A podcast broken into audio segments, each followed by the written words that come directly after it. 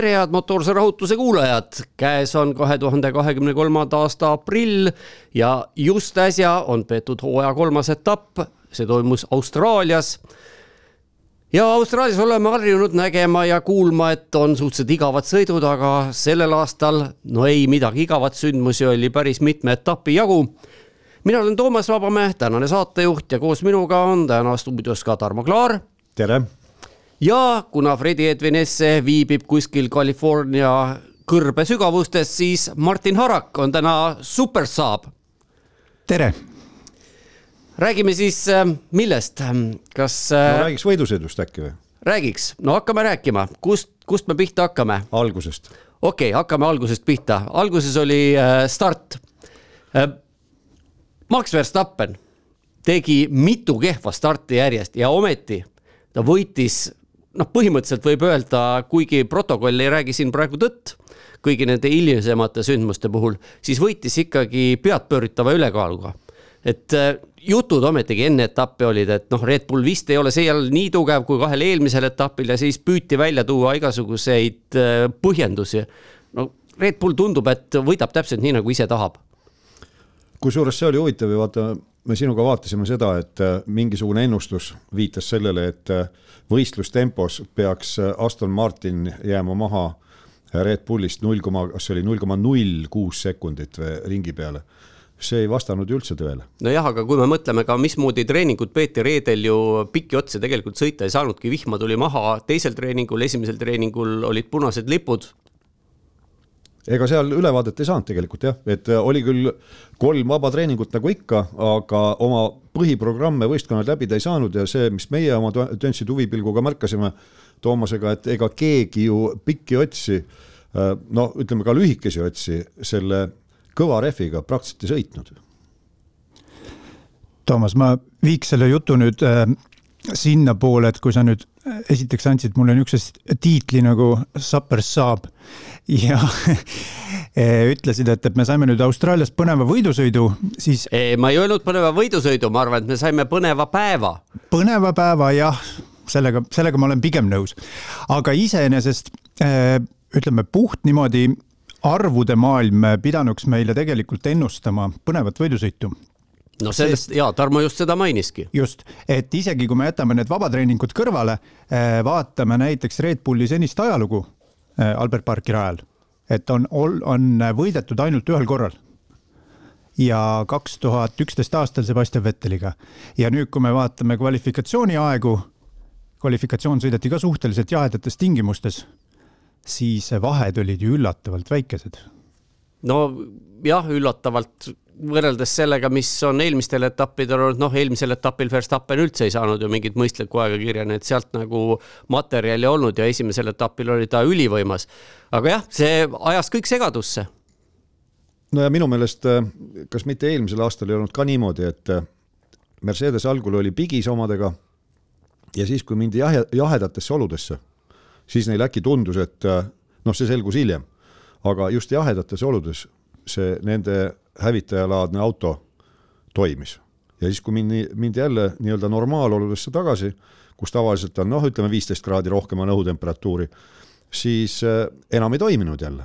et äh, mina väidan, et ilmselt see auto kontseptsioon, mis on äh, rakendatud seal Mercedese inseneride poolt, toimib sellistes tingimustes no tundub niimoodi, eriti üllatav oli kvalifikatsioon, et Mercedese tiim ise oli ka, keegi ei saanud õieti aru, et auto on kiire, aga miks? no seal muidugi ajad paranesid täpselt nõnda, et oleks seal ütleme jäänud seda aega veel sõita, seda Q3-e, siis ilmselt oleks noh, seal Ferrari'd veel kiiremad olnud ja Aston Martinid samamoodi, et. no jaa, aga kõigil oli ju teada, palju seda aega just, on, et no, sellega ei saa vabandada. aga, aga tundus, tundus nõnda, et, et nagu need ajad nagu, nagu muudkui kukkusid seal.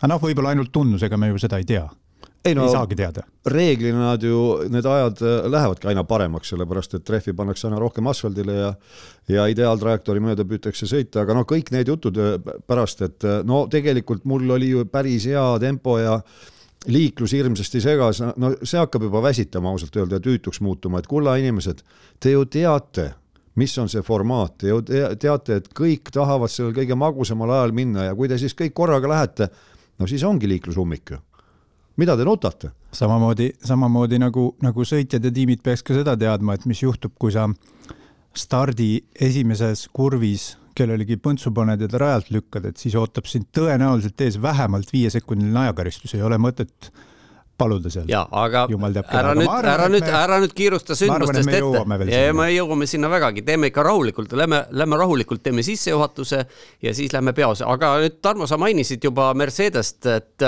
mis siis nüüd on, et kas Mercedes nüüd ongi kiire või oli see niisugune üksähvatus, mina väidan, et päris üks ei olnud, sest äh, sõidus vähemalt heakene küll, Red Bull äh, Max Verstappeniga roolis läks omaette ja, ja Perez tuli tagant ka hirmsa hooga, ta küll väga kuskile välja ei jõudnud, aga Alonso Alonsot suutis ikkagi Hamilton selja taga hoida ja ma arvan ka, et see ei olnud selline üksik äh, sähvatus pannil, nagu tavatsetakse öelda, et äh, tegelikult äh, Alonso ju hoidis korralikult pinge all, eks ole no seal käis vaheldumisi, nii kui ja. Alonso tõstis tempot, nii, nii tõstis, Hamilton tõstis ka natukene, aga mõlemad hoidsid tagasi, et jumala eest rehve mitte ära lõhkuda. no just, sest veel kord, kogemust ju ei olnud sellest nädalavahetusest, et kui, kui hästi need kõvad rehvid vastu peavad. aga just see torka, torkas silma, et suutis tempot hoida ja kui vaja, siis ka tempot tõsta, Hamilton, ja need rehvid ei kadunud tal alt ära, nagu eel, eelmises sõidus lõpus kadusid alt ära nojah, olud lihtsalt olid, keegi ei teadnud ja keegi ei osanud ka ennustada, no igaks juhuks hoiti alguses tagasi no, ja. see on üks asi, aga teine asi, mina väidan, et äh, autoseadistustega on nüüd äh, suudetud seda asja parandada. nii et äh, insenerid, eks nad on seal Mercedeses õppimisvõimelised, minu meelest nad on aastate jooksul seda järjepidevalt tõestanud, et kui midagi on läinud metsa siis äh, neil ei ole sellist peata kana olekut, vaid järgmisel etapil tihtipeale nad on probleemi kas täielikult lahendanud või siis mingi, mingi ajutise lahenduse leidnud ma oleksin natukene skeptilisem selles osas, et. no aga ole, palun, keegi ei keela. ma tänan. et äh, põhjus või, või õigemini ma näeksin seda nõnda, et, et kui me noh, sõitsid seal Alonso ja Hamilton teineteise järel, õigemini siis Alonso Hamiltoni järel, no mitukümmend ringi ja vahe oli seal null koma kaheksast sekundist noh, kolme sekundini, mitte enam. ei, enam, enam ta kindlasti. seal vahel ta kuskil seal kõikus e,. mida nüüd, eks ju, ütles ka Alonso pärast sõitu ja ka mõni sõitja oli seal veel, ma nüüd ei mäleta täpselt, kes, et e, milles oli, tähendab, milles oli nii-öelda see probleemistik või õigemini, miks me ei peaks seda kiiruslikku nii-öelda vahekorda nii tõe pähe võtma, kuna nüüd, kui toimus see esimene äh, siis restart, eks ju, pärast esimest punast lippu, ma natuke torman jällegi ette äh,. aga hea küll, ma seekord, seekord, seekord luban, saatejuht lubab. siis äh, no ühesõnaga, mis juhtub punase lipu oludes, eks ju, et kõik saavad alla panna uued rehvid. ja kõik panid ju alla kõvemad rehvid, ühesõnaga mindigi ja, ja keegi täpselt ju ei teadnud, kui kaua need kestavad või kas nad kestavad või kas tuleb veel üks punane lipp või tuleb turvaauto, mis iganes. ühesõnaga, kõik istusid seal teineteise taga rivis, vähemalt see esiots kelle, kelle puhul oli teada, et noh, et see Aston ei ole Mercedesest nüüd nagu, nagu äh, äh, nii nõnda palju kiirem. tähendab, ühesõnaga noh, seda, seda me nüüd jällegi ei tea väita siin, aga, aga ühesõnaga, äh, millel mu jutt põhineb, on see, et kui äh, Verstappen möödus Hamiltonist, siis kui te panite tähele, kahe sektoriga, pooleteist sektoriga sõist, sõitis ta sisse umbes kahe poole sekundilise vahe. ühesõnaga, kui oli vaja kiirust näidata, siis ta näitas seda ja, ja ilmselt see Verstappen oleks tervele sellele rivile teinud äh, ringi sisse. ja tõenäoliselt oleks ka tähendab, ma jällegi spekuleerin, see, see ei põhine mitte millelgi, aga võinuks olla see, et, et Alonso oleks võinud kätte võtta äh,, Hamiltonist mööda sõita ja ka vahe sisse sõita, aga miks ta seda ilmselt üritama ei läinud, oligi see, et ta lihtsalt ei teadnud, kaua need rehvid seal all kestavad.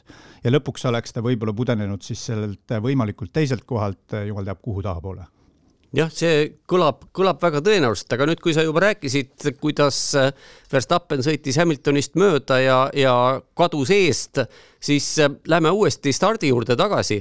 Verstappen äh, esimeses ja kolmandas kurvis andis kahel korral järele kahe võitluses. no heakene küll, Russelliga päris esimeses kurvis, see on kuidagi, kuidagi nagu arusaadav, aga pärast seda kolmandas kurvis andis ka Hamiltoni järele no sellist asja me ei ole kunagi näinud. Jah, eh, Verstappeni puhul oli Austraalias toimunud selline kummaline eh, metamorfoos äkki või, et ta oli kuidagi kole niisuguseks eh, praktiliseks muutunud oma võidusõitmiste juures, et no mina ütleksin, et oleks, oli isegi pehmoks muutunud. mina ütleksin, et ta vaatas pikka pilti, ei ole mõtet esimestes kurvides nendega kaklema minna, sõidan rahulikult järel, ootan, kuni DRS antakse ja siis pürstin ja, mööda. Toomas, vaata, see on see, mis ta tegi, aga see, mis ta ütles. ei no see, mis ta ütles, no see, et varjata oma tegelikke kavatsusi. okei. see okay. võib, see võib ka võimalik olla jah, see nagu me rääkisime siin ülekande ajalgi, et Adrian Newil on see komme, et ta läheb nagu ühte auto osa vaatama konkurendi auto juures ja selleks, et tõmmata tähelepanu kõrvale ja samal ajal siis keegi jünger kuskil pildistab või filmib hoopis olulisemat auto osa. nii et see võis muidugi olla, ega seal raadiosides ju noh, tehakse igasugu trikka ja, ja boksi teelgi tehakse igasuguseid Rahvateatri nalju meile aga mis seda kolmandat kurvi ja, ja Hamiltoni puudutab, siis Verstappen ütles ju ise ka, et ta jäi sellesse kurvi pidurdamisel hiljaks ise no. või ei, ei, äh, vabandust, ma just tahtsin öelda, pidurdas liiga vara. ja see oli see hetk, kui siis Hamilton nägi oma võimalust ja, ja hüppas siis sisse ja, ja Verstappen hakkas teda tasapisi takistama ja seetõttu pärast ise sattus ka sinna äärekivi peale, mida Just. ta siis ise kurtma hakkas, nii et ja. ei olnud seal, see oleks noh, kui nad oleksid kokku puutunud, ma saan aru, et ei puutunud autod kokku ja ükskõik, mis seal oleks juhtunud, no see oli nii võistlusolukord, kui võistlusolukord olla saab. absoluutselt, pluss oli see, et Hamilton jättis selgelt talle ruumi, kui me lihtsalt lähtume sellest nii-öelda valgejoone valgejoone reeglist. jah, kuigi seal oli kollane joon, joon mingis, mingil põhjusel, aga see selleks, ärme tähte nüüd näri, aga jättis tõesti, et seal oli äh, reeglitepäraselt ruumi niimoodi, et kaks, kaks ratast jah, oleks olnud üle äh, rajapiire tähi-, ja rajapiire tähi-, tähistava ala, eks ole, või üle valge joone oleks kaks ratast olnud, aga ei olnud sellist asja, et Hamilton surus ta nüüd täiesti äärekivi peale ja, ja üldse kohe kuhugi minna ei olnud. aga selles mõttes ikkagi noh, ütleme niimoodi, et Äh, hea küll, Verstappen ei ole suur lemmik oma ütleme, tegude ja, ja juttudega minu jaoks. Ja mind just see häiribki, et kui, kui tema hakkab nutma selliste asjade pärast, mida tehakse talle eelkõige sellepärast, et ta on varem ise seda kõike teistele teinud ja naljakas on veel see, et ta ju tegi seda kõike veel pärast sõitu veel. üks asi on, kui sa teed tõesti tulise peaga, kui sul pea on seal kiivri sees ja parasjagu võidusõit käib, eks ju, aga teine asi, kui sa nüüd oled võitnud sellise noh, või tema jaoks nüüd suhteliselt sellise emotsioonivaese Äh, võidusõidu, noh, seal lõpus küll ärevad momendid olid, aga, aga noh, pärast seda veel hakata veel rusikatega vehkima, eks ju, et noh. mitte ainult, tuletan meelde, et siis, kui oli esimene restart, siis ta ju äh, halas ka, et Hamilton on üle kümne auto pikkuse turvaautost maha jäänud. nii et ei, see on, see on tal äh, seljaaju tasemel, et kui saab Hamiltonile midagi ette heita ja tema peale kaevata, siis ta kaebab ja see moment, kui ta kurtis seal, et Hamilton on nii palju maha jäänud turvaautost, siis minu meelest oli just see situatsioon, kus turvaautol olid tuled kustunud ja, ja, to, ja tollest hetkest äh, liider dikteeribki tempot. muuseas, äh, sellega veel see nüanss, et tegemist ei olnud klassikalise turvaauto rajal oleku selle nii-öelda režiimiga. just, seal on teatud, teatud äh, eripärad ja Verstappen ilmselt neid ei teadnud. tegemist oli oluga, kus siis turvaauto juhib autot stardirivisse see on, tei-, see on teine asi. see on hoopis teine asi. see on ja. nagu, see on nagu tavaline alguses start. ja kui me, ja, ja, ja kui me neid äh, reegleid niimoodi silmas peame, siis ma ei usu, et seal on nüüd selline erisus äh, kohe ka kirja pandud on, erisus on kirja pandud, aga noh, Verstappen seda lihtsalt ei tee, tegelikult see ei ole üldse oluline, oluline on see, et ta niikuinii alati, kui vähekesegi on võimalik Hamiltonile midagi ette heita, mis talle tundub, et Hamilton on valesti teinud, siis ta seda ka teeb. ja see on ka vastupidi. täpselt. nii, aga mis me nüüd sellest sõidust veel räägime, et äh, Verstappeni möödasõit äh, ja mitte ainult Verstappeni, eriti Perezi omad. see kolmas, äh, on ta siis kolmas, jah, kolmas ikkagi, kui stardijoonest edasi vaatame. DRS-i tsoon, minu meelest see on teinud Melbourne'i rajast hoopis midagi muud, kui see varem oli. no üllataval kombel jah, mõningas mõttes oli see üheksas kurv kuidagi väga populaarne möödasõidukoht, mida ta varem tegelikult olnud ei ole ja pigem kui keegi on seal proovinud varem, siis äh, on see selgelt ebaõnnestunud. Nojah, eelmisel aastal ju meenutame ka, et äh, seesama kolmas DRS-i tsoon oli kasutusel ainult reedesel vabatreeningul, aga siis igaks juhuks laupäevaks ja pühapäevaks see nulliti ära, sest oli oht, et äkki hakatakse seal kokku põrkama, no mina ütleks, et väga ei olnud, vormel ühe puhul ei olnud mingit probleemi. vormel kolmes küll oli seal üks kokkupõrge kuskil seal poole peal, aga noh, see oli lihtsalt ka sõitja oskamatu tegutsemise pärast, mitte midagi, rajaga seoses mitte midagi ei olnud valesti isegi kui neid äh, Perezi möödasõite seal vaadata, siis äh, ütleme, Kristjan Orner äh, võinuks seda korrale kutsuda, et, et need autos, kellest, need autod, kellest sealt mööda sõitis, et noh, oleks saanud ka mujal neid möödasõite sooritada, et need nägid kohati liiga vaatemängulised nagu välja, et. no see on üks asi, teine asi, mina arvan, et Perez mõtles seal taktikaliselt, vaata teema oli ju selles, et pärast kümnendat kurvi tuli järgmine DRS-i tsoon ja seal sai ta hoolimata sellest, kas ta on eessõitja taga või ees, sai ta uuesti DRS-i kasutada, kui, kui ta oli see vähem kui sekund läheduses. ja selle peale ta ilmselt teadlikult välja läkski, et sõidab üheksandas kurvis mööda ja järgneval sirgel, siis on tal võimalus tänu DRS-ile pingevabalt vahe sisse teha. no teoreetiliselt oleks ta seda võinud ka raja nii-öelda esiosas teha millegipärast otsustas, et seal tagapool on parem, noh, aga igal juhul tegi ta seda kõike hästi ja noh, kui ei, ei oleks sõit läinud nii, nagu ta lõpuks läks, no mine tea, kus ta välja ei oleks jõudnud, selle üle ei ole mõtet siin praegu isegi spekuleerida, aga mida me tegelikult nägime laupäeval ja, ja vist ka reedel natukene, Red Bullil ikkagi noh, tundub küll kiiruse poolest, ei ole nagu tänavu mingisugust vastast, et põhimõtteliselt võiks medalid kaela panna ja karikad kätte jagada kuni hooaja lõpuni aga töökindlusega on üllatavaid probleeme, kui Verstappenil eelmisel etapil kvalifikatsioonis äh, veovoll purunes, nüüd oli Perezil piduriprobleemid, ei ole neil see taevas sugugi nii pilvitu. No ja see käigu vahetamise teema, seda on ju esimesest etapist peale kurtnud Verstappen, et allavahetused seal ei ole talle meelepärased ja just see, et sõidu käigus lähevad need justkui nii-öelda aeglasemaks, need käigu alla vahetused, nii et äh, mingisugused tehnilised mured ikkagi neid vaevavad, jah. No vormel ühes on alati see teema, et noh, me mõtleme, et mitte iialgi vormel ühe ajaloos ei ole üks tiim suutnud hooaja jooksul kõiki etappe võita, et aastal tuhat üheksasada kaheksakümmend kaheksa jõudis McLaren kõige lähemale, kuueteistkümnest võitsid viisteist no,. seda ka tänu Senna hooletusele no,. hea küll, hea küll, no vahet ei ole, eks ole, kuskil oli see nõrk koht, tol hetkel oli Senna ise see kõige nõrgem koht, mitte, mitte tehnika. samas me ei tea, kas see tehnika oleks lõpuni kestnud, aga mida ma tahan öelda, on see, et kui kuueteistkümne etapi jooksul ei õnnestunud McLarenil seda teha ja kunagi varem ei ole kellelgi õnnestunud, siis noh, ma väidan, et tänavu seda ka ei juhtu, ei ole võimalik, et Red Bull kõik etapid võidab ei, ma olen nõus sinuga. jah, kui me meenutame kasvõi eelmise aasta Brasiilia GP-d, eks. noh, igasuguseid no, asju võib juhtuda. selles mõttes, et ega seal ju, kui palju seal nüüd seda eh, Red Bulli lagunemist oli. no sajab vihma, on mingi töökindluse küsimus, et Just. Ma, mida iganes, valel ajal punased, sinised, rohelised lipud. ärge muretsege, küll meil nüüd pärast seda Austraaliat vaadatakse need punase lipu reeglid ka üle ja tehakse mingisugune uus lollus. ja, ja. võib-olla läheb midagi paremaks, ära ole nii pessimistlik ei, noh jah, aga no hea küll, hea küll, noh, hea küll, meil on see suur valge elevant on, siin keset tuba, hakkame on, nüüd nendest punalippudest rääkima. kohe hakkame, kohe saame minna punalippude peale. aga ei, lihtsalt, äh, mis on vormel ühel kombeks teinekord on see, et ähm, ütleme, mida me nägime seekord äh,.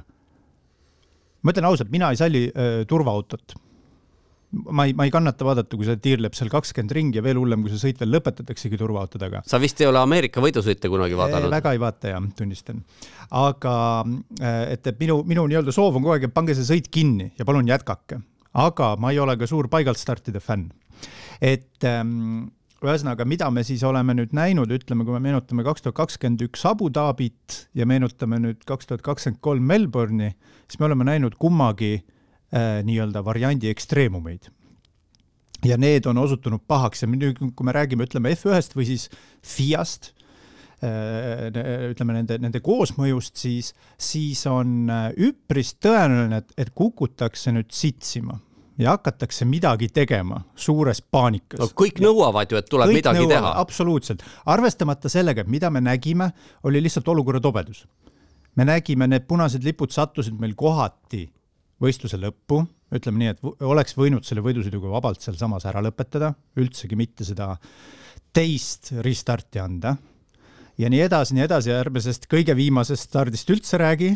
no või noh no,. räägime ikka no,, küll ma räägin no, ma tean aga noh, nii retooriliselt kõlades, et ähm,, et, et ühesõnaga võiks anda asjadele natukene aega nagu settida.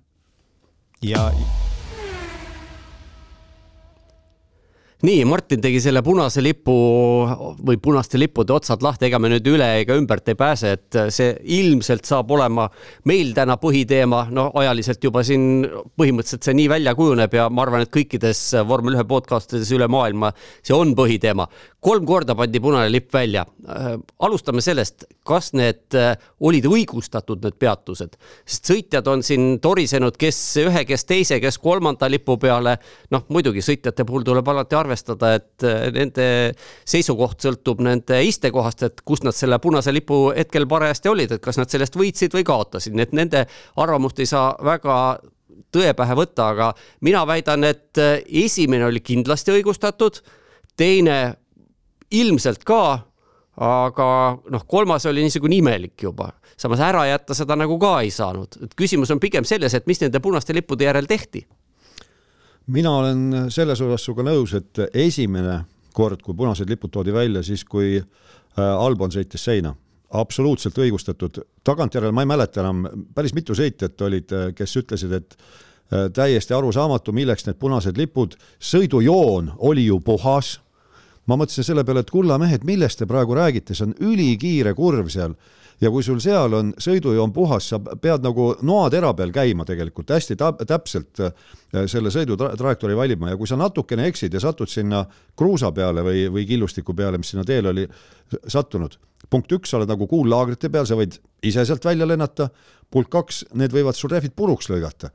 et äh, ja siis oleks nutulaulu kui palju olnud jälle, et tohlakad, miks nad rada ära ei puhastanud, see on ju jumalast sodi täis, siin pole võimalik võidu sõita et äh, ohutust äh, silmas pidades sada protsenti õige punane lipp, ütlen mina seal oli äh, selles kuuendas kurvis, mis nüüd on alates eelmisest aastast muudetud, eks ju, ta oli vanasti selline, sellise teravama, teravama nii-öelda, kuidas ma nimetan seda, no oli teravam, ühesõnaga rüta on rohkem avatud ja rohkem kiirem. seal väidetavalt oli nüüd barjäär oli lahti. barjäär oli lahti kindlasti, sest kui näidati seda Alboni autot, kuidas ma siis ütlen, nagu lähenevas plaanis, siis oli näha, et seal olid barjääritükid olid raja peal. nii et äh, selles Aa, mõttes lausa. ei olnud, ei olnud küsimus ainult mitte selles kruusas, mis sinna rajale lendas, kindlasti. noh, kruusa oleks ilmselt saanud, noh, vaata nüüd jällegi ei tea, palju seal neid äh, harjadega äh, rajajulgestajaid oli, eks ju, konkreetselt seal punktis, et noh, et, et võib-olla seal oli isegi oleks... masin, suur masin oli, noh, masinat muidugi ei saa välja lasta, noh turvaauto järel jällegi saaks ju. noh, see turvaauto sõidab ju seda ringi enam kui kaks pool minutit, eks no, ju. no noh, vaata selle, selles mõttes, Martin, ma soovitan sul vaadata ikkagi Ameerika võidusõitu.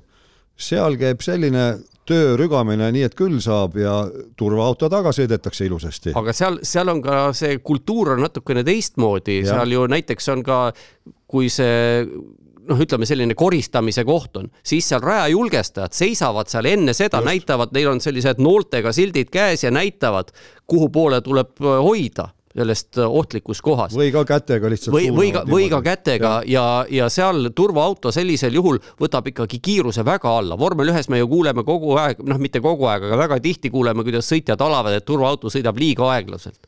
ja noh, Ameerikast rääkides, siis Juan Pablo Montoya põrkas ju kunagi kokku ühe koristusautoga, täpsemalt öeldes mitte koristusautoga, vaid kuivatusautoga, mis oli trekivõistlusel. see on selline, selline veoauto siis, kuhu on vana reaktiivmootor peale pandud ja millega trekipinda kuivatatakse, nii et ega seal need asjad ka niisama libedalt ei lähe. no ikka juhtub asju, see on selge, aga veel kord, et see Alboniga seoses avarii tagajärjel punaste lippude väljatoomine oli absoluutselt õigustatud.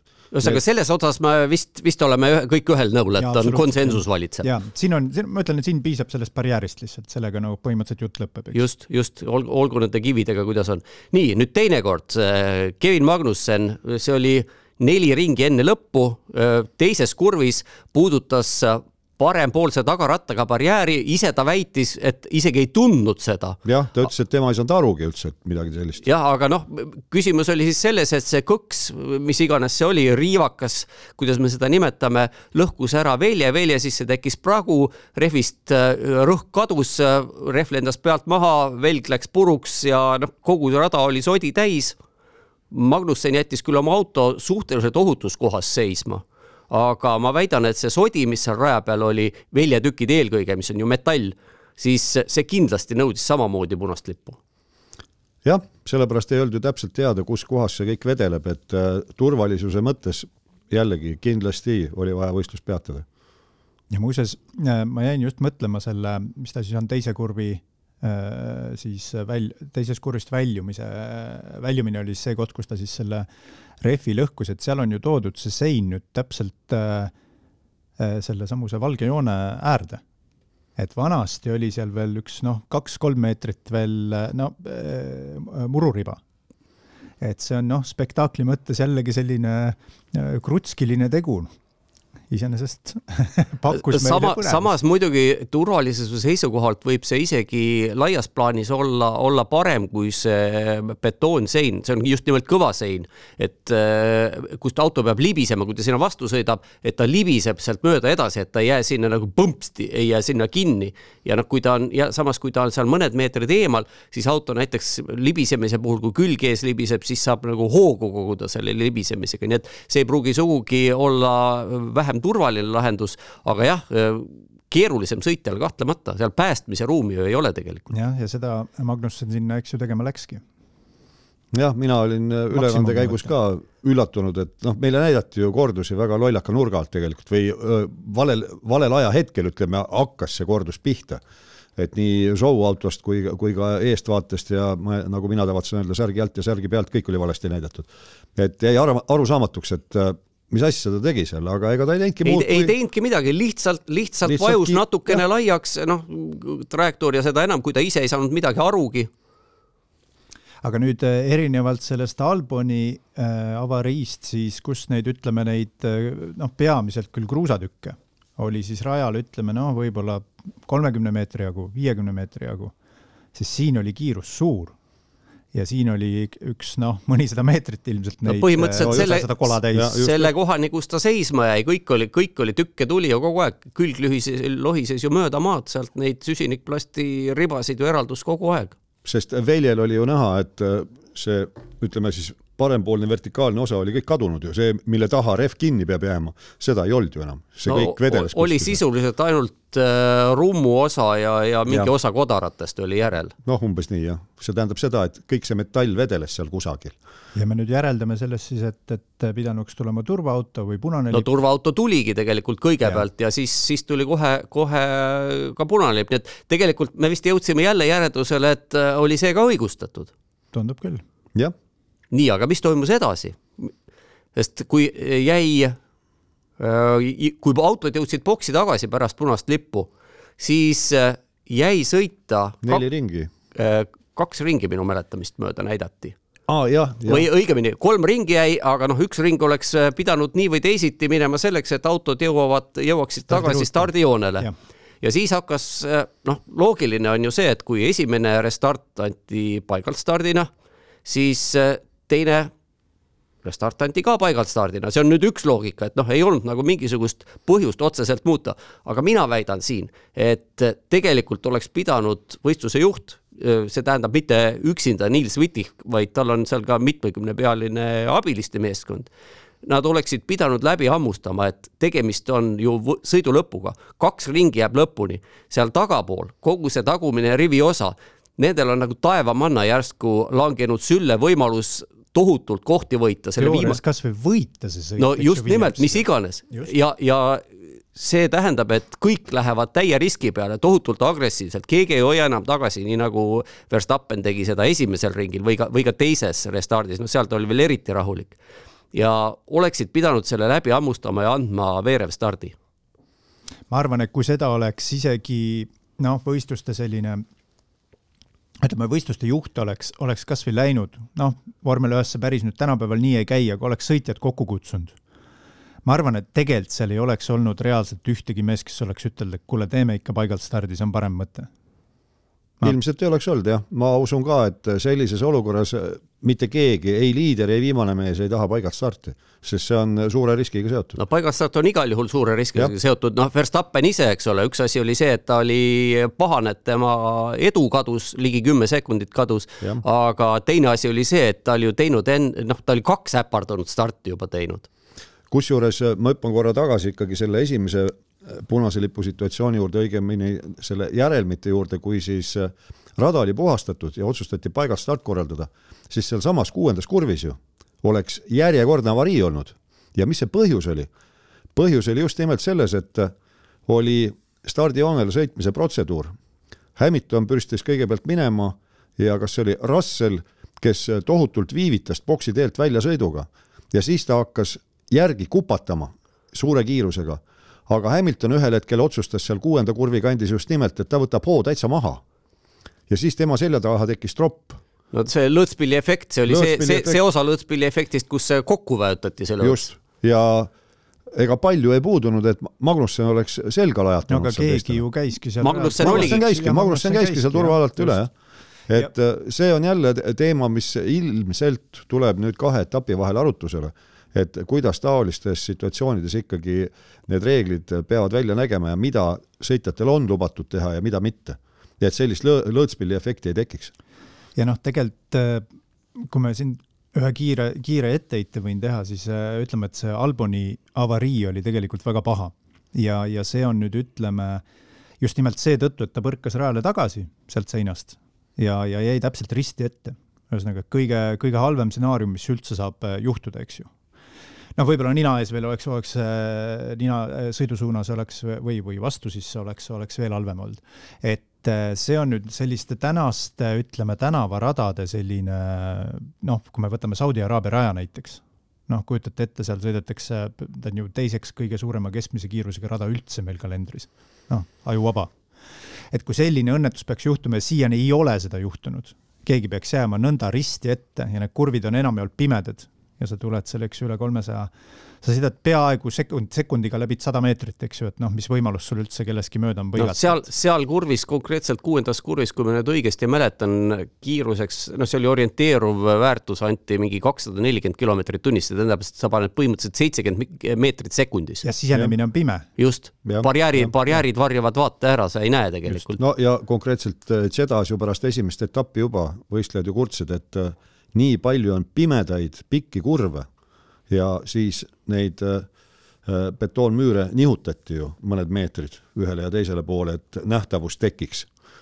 Et äh, need on alati ohtlikud kohad, jah. vaatemängulised nad on, aga paraku nad on ohtlikud. aga lähme nüüd selle paigalt stardi juurde tagasi. ma ei uurinud nüüd päris ajaloo annaale, millal täpselt need paigalt stardid kehtestati, aga minu meelest, kui see oli mõni aasta tagasi, see ei ole, ei ole väga, väga kaua ei ole see reegel eksisteerinud tunnistan, et siis, kui see reegel tuli, minu peas valitses arusaamatus, milleks ta jah, esialgu võib ju jätta sellise too, et näed, et me saame uue, uue võidusõidu siit, eks ju. no aga see on, see on ju kunstlik. ta on kunstlik jah, kahtlemata, pluss ta ei ole eriti ohutu. no just, et ta on, ta on ohtlik ja, ja noh, kui me jälle meenutame seda Ameerika võidusõidu vanasõna, et no seal on ta küll natukene teistmoodi, öeldakse, et pace car breeds pace cars ehk äh, turvaauto sünnitab turvaautosid, noh, paigalstardid sünnitavad seda enam. Igasuguseid, igasuguseid seda, olusid. seda me ju nägime suurepäraselt eile, nüüd esmaspäeval, kus me siin salvestame, eks ole, et äh, nii ta on, jah ja noh, täpselt nagu äh, kokkuvõttes sõiduvõitja Verstappen ju oskas isegi kaasa tunda Sargentile. ütleski, et noh, et aga see auto oli ju nii-öelda, tähendab, ta ei olnud saanud seda ettevalmistust, mida tavaliselt vormel üks autole tehakse enne paigalt starti ja, ja, ja tuli selles, eks ju, noh, kokkuvõttes need õhuvoolud ju segavad ju tänase päevani, olgugi et meil on maa-efektiga autod. et noh, tuli ju selge De Vriesile. no seal ja. ei olnud, tema ei olnud ju ainukene, täpselt samamoodi äh, Gasly, tema küll ei põrganud tollel hetkel kellegagi kokku, kui ta esimesest kurvist välja sõitis. täpselt samamoodi Perez. ja täpselt Peer... samamoodi ka äh, Stroll kolmandas kurvis. jah, just nimelt ei osanud äh, lihtsalt arvestada sellega, et pidurid ja rehvid on, äh, on nõnda siis äh, töötemperatuuri alast väljas, nii et ja sõitiski murule et see, me vist jõudsime jälle, mingisugune värk on, miks me täna kogu aeg ühel arvamusel oleme, miks meil mingeid rebeleid ei ole siin? ei tea, mingi, mingi ime, imelik õhkond on täna jah. aga, aga, aga, aga, aga hea küll, täiskuu on tulemas, aga üks, üks detail oli veel, ma vaatasin, lugesin väga teraselt äh, nüüd neid reegleid ka üle, et millal antakse paigalstart, millal antakse veerevstart ja ega seal väga selget vahet ei olegi. no me oleme näinud, noh praktikas ütleme see, mis varem on toimunud, oleme näinud, et kui on märg, siis paigalstarte ei anta, see on selge asi. aga põhimõtteliselt on seal kirjas niimoodi, et sõiduvõistluse juht ise otsustab selle kui rajaolud ei võimalda anda paigalt starti, see ongi, ongi tingimus. Ja, ja mina väidan, et äh, antud juhul rajaolud ei oleks või noh, mitte rajaolud, aga, aga olud ei oleks võimaldanud seda, sest tegemist oli kahe viimase ringiga. Ja see, mida me nägime kohe pärast starti, selle, see ainult kinnitaski seda arvamust eks ta tänapäeval meil selles äh, Netflixi ajastus ongi nõnda, et, et selle äh, spordijuhi kõrval istub seal ka kommertsjuht, eks ju, kes äh, vaatab hoolikalt. no ta ei tohiks istuda, et noh, see, need on ju, kui me nüüd mõtleme, et on ju tegelikult ikkagi, ikkagi peaks olema eraldatud, et see võistluse juht on ju FIA ametnik ja, ja jooksutab seda tsirkust FOM, et need on kaks erinevat organisatsiooni ikkagi jah, üks on puhas kommertsorganisatsioon ja FOM-i näol siis aga, aga see, selles osas on sul muidugi, Martin, õigus, et mina väidan ka, et see otsus oli kas otse või kaudselt mõjutatud sellisest ameerikalikust lähenemisest autovõidusõitu, et peab olema meelelahutust. Ja selge see, et kui sul on kaks ringi enne lõppu, on põhimõtteliselt seis nullitud, kõik eelnev on tühistatud ja nüüd sõidetakse see no kui palju seal on, kümme kilomeetrit, üksteist kilomeetrit, kümme pool kilomeetrit, sõidetakse võidu peale loomulikult see on maru põnev ju. samas ma arvan, et me peame kõik siin tunnistama oma väikseid sadistlikke kalduvusi, et tegelikult meil oli ju hea meel, et paigalt start anti ausalt öelda ma ei oskagi öelda, kas mul oli ma ei, ma ei, ma isegi, mina tunnistan ka, et ma ei mõelnud sellele üldse. mina ka, mina ka ei mõelnud sellele, mina pigem ütleme, kui see otsustati, see te, viimane äh, paigalt start an, anda, siis äh, või noh, viimane. viimane oli veerev start. Äh, viimane oli veerev start jah, aga noh ühest küljest jah, et nii vähe on jäänud, no las ta siis läheb. et äh, las, las parim võidab, aga see, oota, oleme nüüd jõudnud selle veerevstardini või ei ole? ei, veel ei ole. veel ei ole, no siis jah, okei okay.. et see, mina lugesin ka neid reegleid nii-öelda nagu ma ütlen, veerandsilmaga ja, ja tõesti jõudsin ka selleni, et äh, siis eile pärast sõitu, et äh, kuidagi ütleme, eba, kuidas öelda, ei ole konkreetsust piisavalt. näiteks kas või see asi, et äh, protestis ju Haas ja ma see... tahtsin sinna mõne aja pärast veel jõuda, aga, aga see on ka jah, just nimelt, et väga segane reeglite sõnastus, sõnastus., eks ole, et äh, mille alusel pandi paika viimane stardijärjestus? siis, kui väga selge, sellega on hästi lihtne. nii kuna ei olnud saada täpsemaid ja paremaid äh, siis andmeid ajamõõdusüsteemist. olid, olid, olid, kusjuures olid. ühesõnaga räägime nüüd ähm, kohe räägime ära selle, mis toimus siis sellel kolmandal, me jõudsime, ühesõnaga me jõudsime konsensusele selles osas, et äh, Magnusseni avarii järel oli paigaltstardi andmine halb lahendus. jah, jah. selge no nii, ja siis see halb lahendus päädis omakorda sellega, et tuli veel üks halb lahendus. jah, ja äh, Haas siis äh, protestis selle, et kuidas nad äh, stardi, starti üles rivistati selleks viimaseks. see oli siis veerev stardiks. veerev stardiks jah, ja teema ei olnud selles, et tol hetkel, kui punased lipud tulid välja, oli Haasi piloot Hülkenberg neljandal kohal. see oli tol hetkel aga siis hakati tagasi kerima, et aga kus siis fikseeritakse see moment, mille järgi nad stardirivvi nüüd pannakse.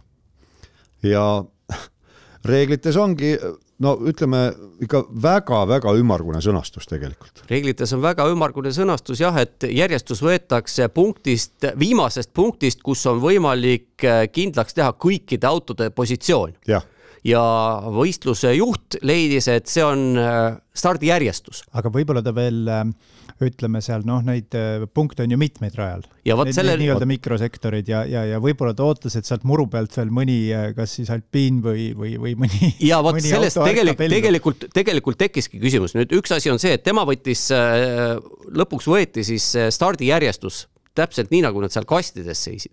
tegelikult ma väidan, et vähemalt kaks kohta oleks, kust veel oleks saanud, oleks saanud stardijoonelt võtta. see tähendab reaalne ületamise järjekord, võib-olla oli keegi kellestki seal juba mööda läinud, ma ei tea seda. ja see, mida Haas protestis, Haas väitis, et oleks saanud võtta boksi väljasõidutee lõpus asuvalt äh, turvaauto teiselt joonelt. aga see lükati ka tagasi põhjendusega, et see joon on juba pidurdusmaal ja see annab, kui sealt oleks võetud, siis okei okay,, seekord oleks läinud nii, nagu on. aga see oleks andnud väga lolli pretsedendi, et põhimõtteliselt sa lendad esimesse kurvi pidurdamata sisse, võidad seal kohti, aga see ei ole sul jätkusuutlik ja kui juhtub midagi, siis sa tõused ju kõrgemale veel parem, sõidad mõned konkurendid ka välja no sa ei saa konkurenti välja sõita, kui sa tema taga oled. no, no jaa see, sellest okay. ei oleks kasu, sul oleks vaja selle joonest just panna niisuguse hooga üle, kuidas vähegi segab, no see meenutab mulle eelmise aasta seda NASCARi episoodi, kus äh, kes see oli, Ross Chastain vist oli, kes sõitis viimase kurvi täie, täie kiirusega, toetudes jah, välisbarjäärile. no see ja. keelati ka nüüd ära, aga tol hetkel see oli lubatud manööver. see oli legaalne manööver jah, osa plaksutasid selle peale, et kutt jube leidlik, et luges reegleid, aga äh, ma tahtsin seda öelda, et tegelikult Haas mitte lihtsalt ei jonninud ja äh, ei tahtnud nii-öelda paremat positsiooni, paljud arvasid, et äh, nad tahtsid seda, et oleks säilinud see Hülkenbergi neljas koht, mis tollel hetkel oli, kui võistlus seisma pandi, ei, seda mitte. Nemad apelleerisid sellele, just sellele teisele turvaauto joonele, konkreetse juhtumi põhiselt. eelmisel aastal Silverstone'i etapil, kui äh, siis show käis üle, seina jah, üle, äh, üle, üle, üle kaela käis, eks ole, siis üle, noh, üle katuse tinglikult jah, me tean, ma tean, et ma ei tea, kus see katus seal oli, millest ta üle käis. no virtuaalne katus. Ja halo peal lohises seal, siis võeti stardijärjestust turvaauto teise joone järgi, nad toetusid konkreetsele juhtumile, juhtumipõhiselt, et see on juhtunud, niimoodi on tehtud, miks siin nüüd ei tehtud? Ja kui oleks tehtud sedasi nüüd Austraalias, siis oleks Hülkenberg võitnud ühe koha stardis. ja Hülkenberg oleks tõusnud kolmandaks, sellepärast et Sainz sai ju karistada lõppkokkuvõttes. jah, just nimelt, et ta oleks, äh, Sainz sai oma, oma karistuse kätte. nii et äh, jah, see oli niisugune kummaline ja, ja nüüd on, no kui me mõtleme, me ju jälgime seal oma ülekannet tehes kogu aeg neid mikrosektoreid ka no eriti kvalifikatsiooni ajal tõsi. ja seal võetakse ju ka kogu aeg aega, aga ma saan aru, et need on ikkagi GPS-i põhised, et Haasile heideti ette ka seda, et GPS-i ja, ja Haasi tiimi esindaja oli nõus ka sellega, et tõesti GPS-i andmed ei ole piisavalt Äh, täpsed, aga samas jällegi, kui ma võtan need reeglid ja ajan sõrmega jälge, seal ei ole kuskil öeldud, et need peaks olema, kas GPS-iga või rajaaluste transponderitega või, või, või liivakellaga või ei, ma ei tea, millega iganes, ei ole sellist määratlust. No,. Milline... täpselt see ümmargune sõnastus nagu, mis sa siin ette lugesid, me noh, peast meile tsiteerisid. just täpselt, et äh, seal on, on nii palju lahti ja, ja isegi kui ma arvan, et kui isegi neid protseduure ei hakata muutma, siis äh, sõnastust kindlasti hakatakse täpsemaks muutma, sest noh, jälle, ega me, kõik sellised asjad selguvad praktikas. me ei tea kunagi, kus, kust võib käriseda.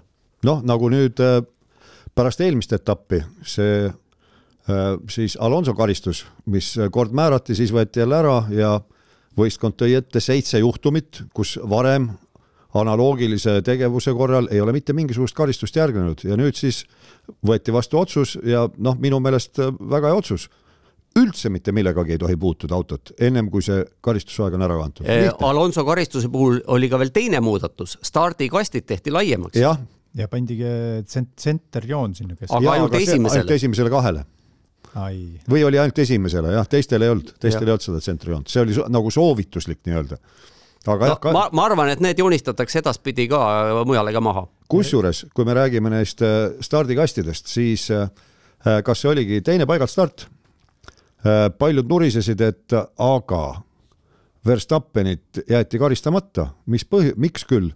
et üks, et ta oli natukene viltu ja teine asi, et ta oli ju, äh, rattad olid juba üle joone, esirattad, tegelikult ei olnud, reeglites on kirjas, rataste kontaktpind asfaldiga peab olema kontaktis selle stardikastiga.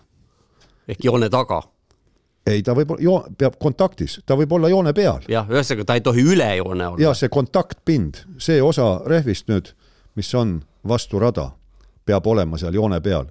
ja Verstappenil oli, jah, kui niimoodi hakata diameetrit mõõtma ja kõik, kui palju siis osa ratast oli. no pealtvaates oleks jah näha olnud, et oli ratta, ratta esimene osa oli sealt üle, aga see oli õhus, ei puutunud rada, nii et ja. tegelikult äh, nagu eesti keeles öeldakse, juriidiliselt oli kõik korrektne. täpselt, jokk olukord.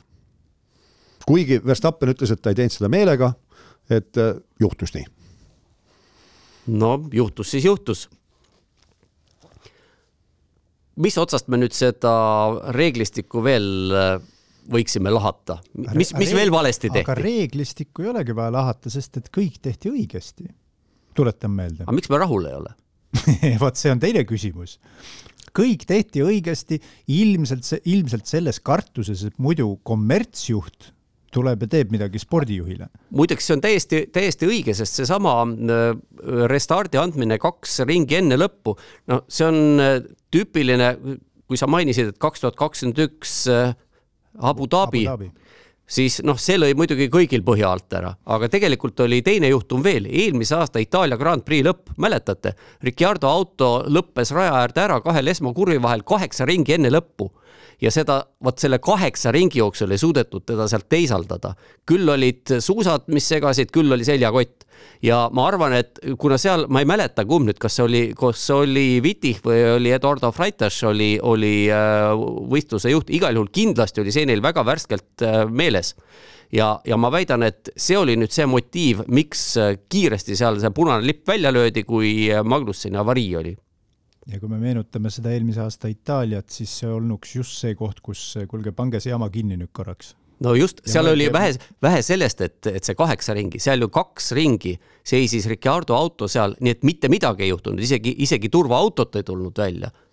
kusjuures sellistes situatsioonides mina jauran ikka oma, et äh, piisab topelt kollastest lippudest, mis sunnib oluliselt kiirust vähendama ja ei luba mööda sõita see on lokaalne lugu, auto on pargitud barjääri äärde, tihtipeale on olnud ka selliseid olukordi, kus auto pargitakse juba sinna ära sõidukohta või selle, sellesse kohta, kus see tõstuk hakkab välja sõitma. et ta on juba niimoodi teatud nurga alt, ta on juba barjääri taga tegelikult, seal, seal ei ole mingit erilist ohtu. pange need lokaalsed kollased lipud ja sõit käib edasi ülejäänud rajal. seal ei ole mitte mingit sodi, mitte, mitte mingisugust probleemi ei ole mujal rajal mina, mina tahan, Tarmo, nüüd sulle vastu öelda ja meie tänase, tänase üldise harmoonia konsensuse ära rikkuda. Sülbiankit äh, mäletad? Mi loomulikult mäletan. miks Sülbiankil see traagiline avarii juhtus? sellepärast, et väljas olid kollased lipud, oli väljas ka turvaauto, kui ma õigesti mäletan, aga tema üritas aega võita. jah, rada oli märg, no tõesti, see oli, no ütleme ja. niimoodi, et lahkunutest halvasti ei räägita, aga paraku paraku see oli tema enda viga ja, ja vot see on asi, mida praegu üritatakse sellest ajast peale iga hinna eest vältida. Ja, ma väidan, et õigesti tehakse. aga see, mida, mida nüüd tehti, oli, oli tegelikult äh, püüti vältida, et sõit lõpeks kollaste lippude all turvaauto taga.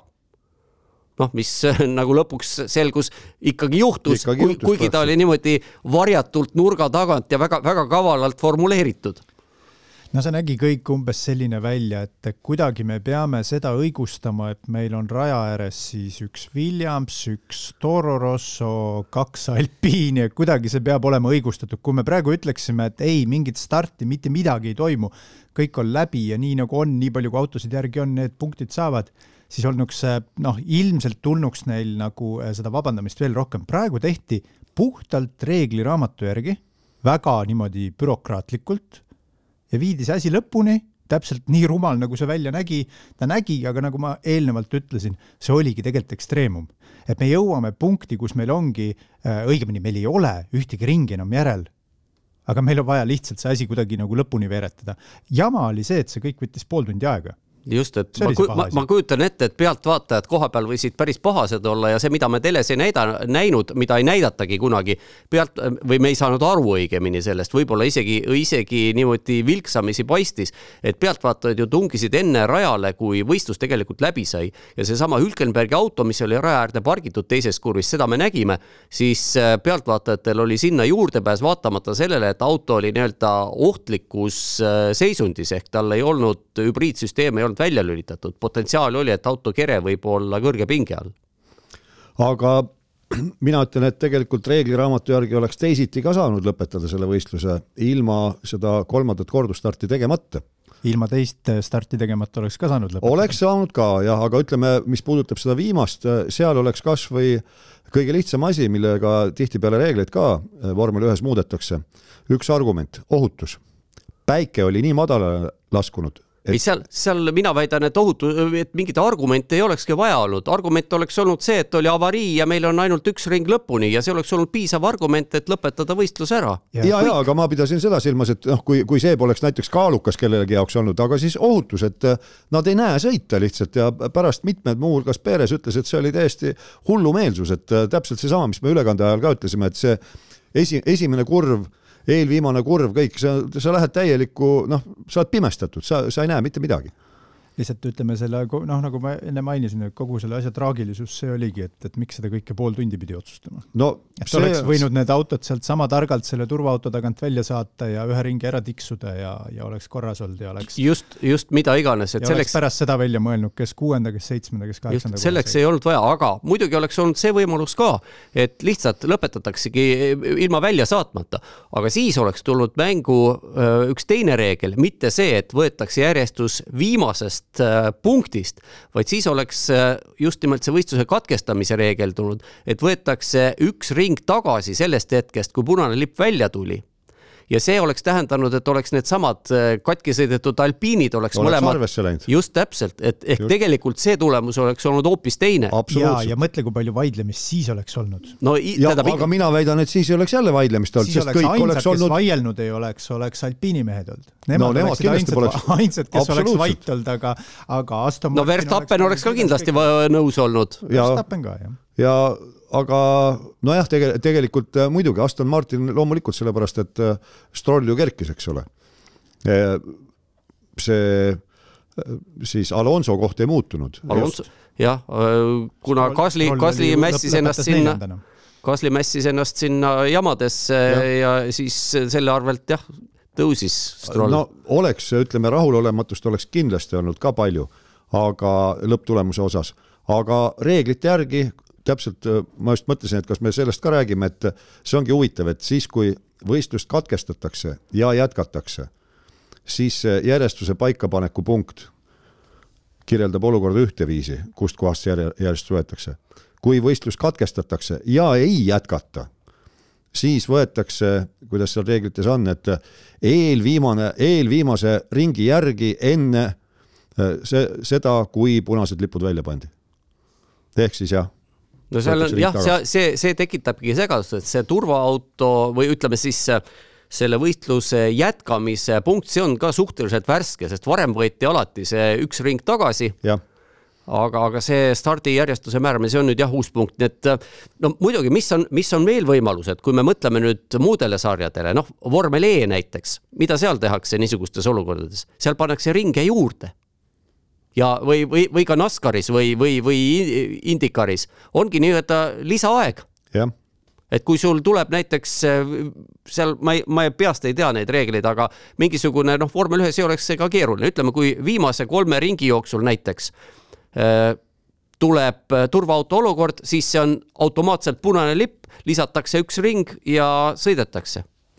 Aga noh, praegu selliseid reegleid vormel ühes ei ole, nii et ütleme siis nii, et selle Austraalia etapi oleks äh, Äh, ka teisiti saanud ära lõpetada. ütleme, et neid reegleid tegelikult annaks ju siin painutada igas suunas, et ütleme noh, mis mind kõige enam selle etapi juures häiris, noh äh, igalt poolt äh, Sky ülekandest ja kust iganes ülekandest räägiti põnevast sõidust, ilmselt Toomas, sina rääkisid ka kui põnevast, sa rääkisid põnevast sõidust, vabandust, mitte põnevast võidusõidust. see oli täielik äh, liimi kuivamine minu jaoks. ei olnud. Äh, no vot, no vot. ja, ja, ja jälle, jälle on konsensus rikutud. väga hea, väga hea. on ja intriig tuleb. oleme lõpuks äh, seal intriigi, intriigi punktis. vot siin ma vaidlen sulle vastu, Martin, ei olnud kuivamine. oota, Tarmo, ma räägin mõtte lõpuni, et. ei lase ühesõnaga, rääkida, see on täielik jama, mis sa ajad praegu. jama pihta hakkas ja tähendab, ühesõnaga probleem minu meelest asus nagu seal, kus meil toimus esimene restart ja see, et pandi kõigile need kõvad rehvid alla edasi jäi meil siis sõita nelikümmend midagi pluss ringi ja oli teada, et keegi enam ju sisse ei tule, eks ju, ja, ja, ja jõudude vahekorrad olid ka küllaltki paigast. no tegelikult ainult... ei olnud, ma väitan jälle vastu, ei olnud teada, sellepärast okay. see, mida me siin enne rääkisime, et Hamilton ja Alonso mõlemad hiilisid kiki varvukil, et jumala okay, eest mitte rehve ära kulutada. ja nii edasi ja, ja Haas oli suhteliselt kõrgel ja, ja Gasly oli viies ja, ja nii edasi, okei okay,, tore, aga jällegi ma lihtsalt tahtsin rääkida, kuidas reegleid annaks nagu taaskord ümber teha. Oleks näiteks see, et kui suhteliselt sõidu alguses antakse punane lipp, siis võiks kehtima jääda reegel, et sa jätkuvalt pead kasutama kahte rehvi segu. oletame näiteks kuni, ma ei tea, kahekümne, kakskümmend protsenti võistlusdistantsist. kui see, see esimese kahekümne protsendi sees antakse punane lipp, jääb see reegel kehtima.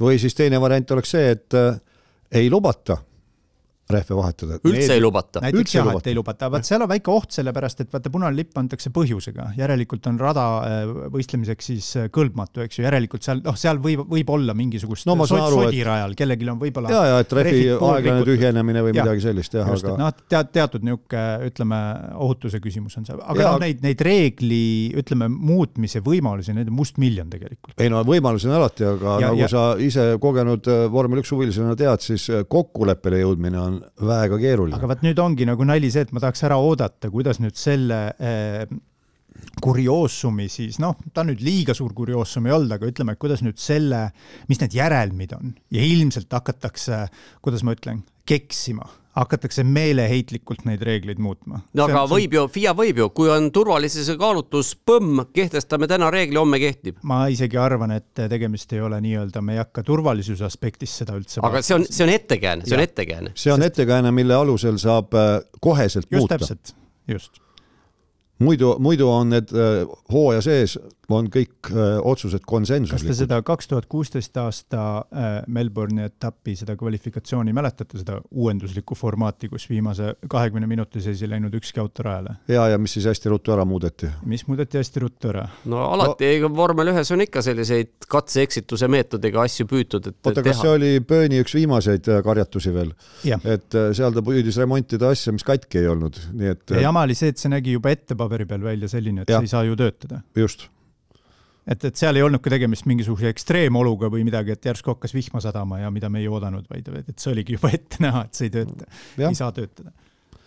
no õnneks äh, seda nüüd ei ole, aga kas äh, tõmbasime juti alla nüüd äh, no ma ei tea no,. ma ei tea, tahame veel reeg... punastest lippudest rääkida või kuidas seda no ega esimene mai reeglite... on varsti tulemas, ega siin, mis siin ikka, siis saame, võime veel rääkida ja noh, heakene küll, järgmine etapp ei ole esimesel mail, vaid on päev varem, on kolmekümnendal, aga, aga väga suur ma ei tea, noh, millal me täpselt salvestus on, aga võib juhtuda, et on esimesel mail, et no, siis, siis me räägime jälle, punastest lippudest. räägime jälle punalippudest jah, aga reeglitest räägiks küll veel edasi seoses järgmise etapiga jah, kui siin juba Martin tõi need äh, veidrad äh, reeglimuudatused ja kokkulepped, siis tõesti Baku etapp peaks olema järgmine ja kuigi ühest küljest on ju ajakava ammu mitu kuud juba paigas ja on avaldatud, igaüks võib seda vaadata näiteks äh, Formula1.com veebilehe pealt, siis selgub, et tegelikult ajakava ikkagi ei ole paigas sest arutatakse sprindisõidu formaadi üle, täpsemalt öeldes seni on ju sprindid toimunud niimoodi, et laupäeva hommikul, ütleme tinglikult hommikul on vaba treening, õhtul sõidetakse sprint, aga kvalifikatsioon on toimunud reedel. Ja sprint ise määrab ära pühapäevase võidusõidu stardijärjekorra.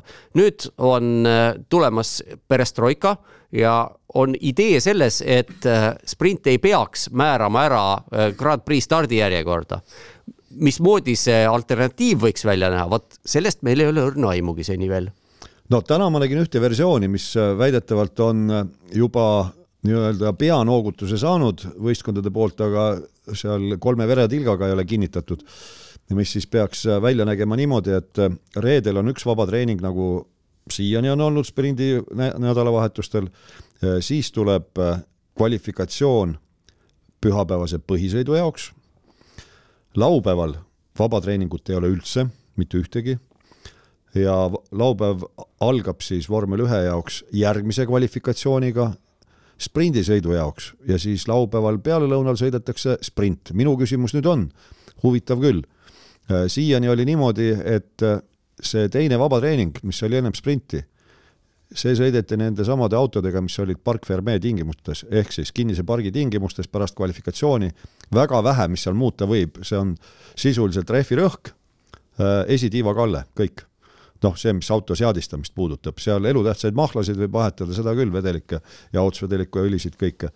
Äh, seda võib ja äh, noh, jah.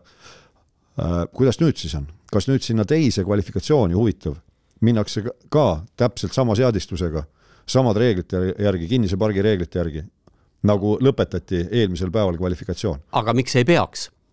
no sellest ei ole räägitud no võib-olla nemad on rääkinud, meie lihtsalt ei tea, aga noh, fakt on see, et küsimusi on seal praegu oluliselt rohkem kui vastuseid. rääkimata sellest, et sinna on ju, nüüd on juba vähem kui neli nädalat. jah, ja noh, nii palju on siis ka räägitud, et see laupäevane kvalifikatsiooniformaat selle laupäevase sprindisõidu jaoks äh, oleks põhimõtteliselt sama nagu praegu, ainult et need kolm kvalifikatsiooniperioodi on siis igaüks natukene lühendatud ajaliselt. muud vahet ei oleks noh, see on rohkem liiklusummikuid, ütleksin mina paadunud pessimistina. no sa oled realist, mina väidan sedasama et rohkem kuuleme seda nutulaulu, et äh, küll oleks pannud, aga kõik olid raja peal ees. ma nüüd ütlen, et äh, mulle meeldiks see, mulle ei meeldi tänane kvalifikatsiooniformaat. no igasuguseid kvalifikatsiooniformaate saab ju teha, on aga, aga mina ütleks, et väga paljudes sarjades, noh, mitte just otsest koopiat, aga, aga sarnaselt vormel ühele on, on ju väga palju ka Ameerikas, äh, MotoGP-s väga just, just selline aste-astmelt nii-öelda noh, kuidas ma siis ei oskagi jah, astmeline, astmeline kvalifikatsiooni formaat, no on, võib, võib muidugi, et veel katsetada, võiks ju teha niimoodi nagu vormel ees tehakse nii-öelda turniirisüsteemis. Õnneks Oleks..., õnneks ma ei tea vormel eest mitte midagi. no vot, aga võiksid. ei taha. Tarmo, anname siis lubaduse, et sina hakkad vormel E-d vaatama ja mina hakkan Ameerika võidusõitu vaatama. sellist lubadust ma ei anna kunagi. ma ka ei anna no te ei tea, millest te ilma jääte.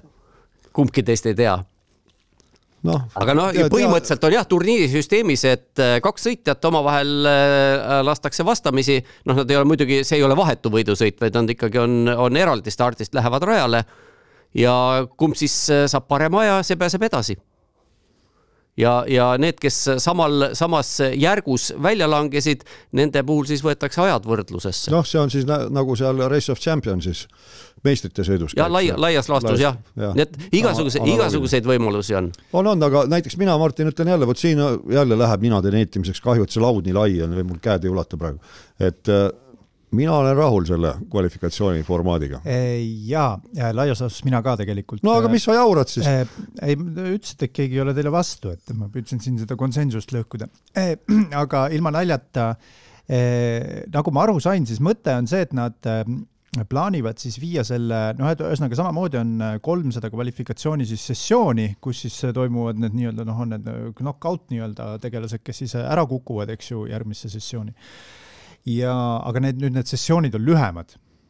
vaat seda ma tahaks näha, mulle meeldiks, kui see kvalifikatsioon oleks dünaamilisem jah, ütleme niimoodi, et oleks esimene kümme, teine kaheksa ja kolmas kuus minutit näiteks. et, et ma saan aru loomulikult, et sul võiks olla tegelikult oma kiire ringi sõitmiseks äh, mitu katset ja, ja kui see on tõesti sul kuus minutit pikk, võib-olla sa ei jõuagi sõita mitut, äh, mitut kiiret ringi, eks ju, lihtsalt ei jõua. no aga see, see, see point võikski aga... olla, et sa peadki selle esimesel katsel, sa pead, et sulle ei just, anta rohkem võimalust, et sa peadki, sul on üks et, võimalus ja sa pead selle ära kasutama. et, et äh, jumala eest, katsetame, vaatame, mis saab ei no katsetavadki. kui ta, kui ta on nii-öelda nagu äh, ainult määrab sprindi, eks ju, kvalifikatsiooni äh, või seda parema stardi paremas järjestust, siis katsetagem noh, siit nüüd äh, järgneb äh, järgmine küsimus, et äh, noh, hirmsat statistikat peetakse, mis ammu juba on kuidagi paigast ära, selles mõttes, et kui erinevate põlvkondade sõitjaid või erinevate ajastute sõitjaid võrreldakse siin nende kvalifikatsioonivõite, etapivõite, kiiremaid ringe, oota, milline kvalifikatsioon nüüd siis kvalifikatsioonina arvesse läheb? kas mõlemad või ainult põhisõidu jaoks. oi, Tarmo, nüüd sa pudutasid Ella kohta, et Muidugi. mina olen vana statistik, nii et. no ma tean äh, seda, see on meelega. ja, ja, ja, ja. ma ütlesin, annan sulle maksaagi kohe et no tõsi ta on, et vaata mingi aasta, kui meil siin äh, ei lubatud seda sprinti ka nimetada võidusõiduks. üle-eelmisel aastal vist oli see. noh, meid või muidugi. üle-üle-eelmine, mingisugusel aastal. meid muidugi ei saa siin keegi keelata, eks ju, et et aga, aga no ühesõnaga jabur ta oli, et kvalifikatsioon või ütleme, pole position läks siis, selle võitis siis see, kes võitis sprindisõidu, eks noh, absurd. aga noh, samas ega need äh, ütleme, ajalugu ei olegi omavahel võrreldav, noh, teinekord seal äh, vaatad neid äh, Motsa ja vormel üks uudiseid, et kui palju punkte nüüd kellelgi on, eks ju, näed, Alain Prostil on nii vähe, aga vot näed siin äh, Sebastian Vettelil on nii palju, eks ju. no või, või võta, võta viiekümnendad aastad, eks ole, kui üleüldse sai, esiteks sai viis esimest, said ainult. ja hooajal sõideti, eks ju, viis etappi. just, no etappi. seitse etappi ja, ja hullem veel, oli võimalik autot jagada ja oli võimalik saada ka kiirema ringi eest punkt ja on ju olukord, kus oli kiirema ringi aega, kuna seda võeti kümnendiku täpsusega, siis kas, kas viis, ei, seitse sõitjat vist said võrdse aja, nii et igalühel oli üks seitsmendik punkti tabelis, no palun väga, eks ole. Jah, igasuguseid asju ja aegu on olnud, noh, nüüd on ajavõtt oluliselt täpsemaks läinud, eks ole.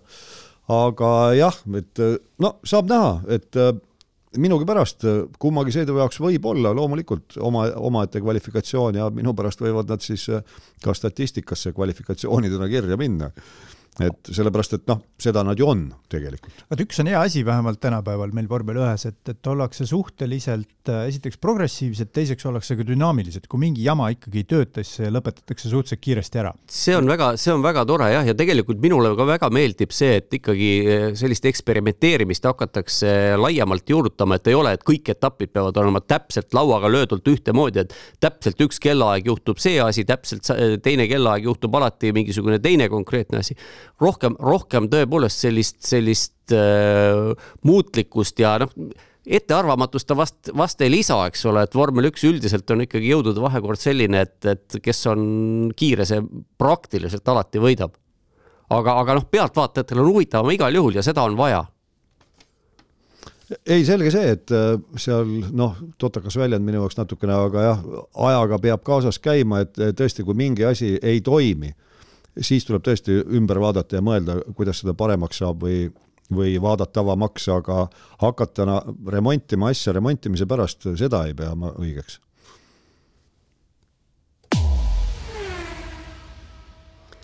Aga räägime nüüd sellest veel natukene ka, mis, mida me juba nägime äh, sel etapil, räägiks natukene tiimide jõudude vahekorrast, et me siin vihjamisi oleme puudutanud seda teemat, aga, aga hea on ju täheldada seda, et kui vaadata tiimide paremusjärjestust, siis meil kõik meeskonnad on vähemalt ühe punkti teeninud ja noh, hakkame McLarenist pihta, McLaren oli ju kahe etapi järel praktiliselt lootusetu, noh autod olid aeglased, autod lagunesid, null punkti. nüüd bäng ühe etapiga järsku viiendaks ehk põhimõtteliselt nelja suure järel muu maailma parim.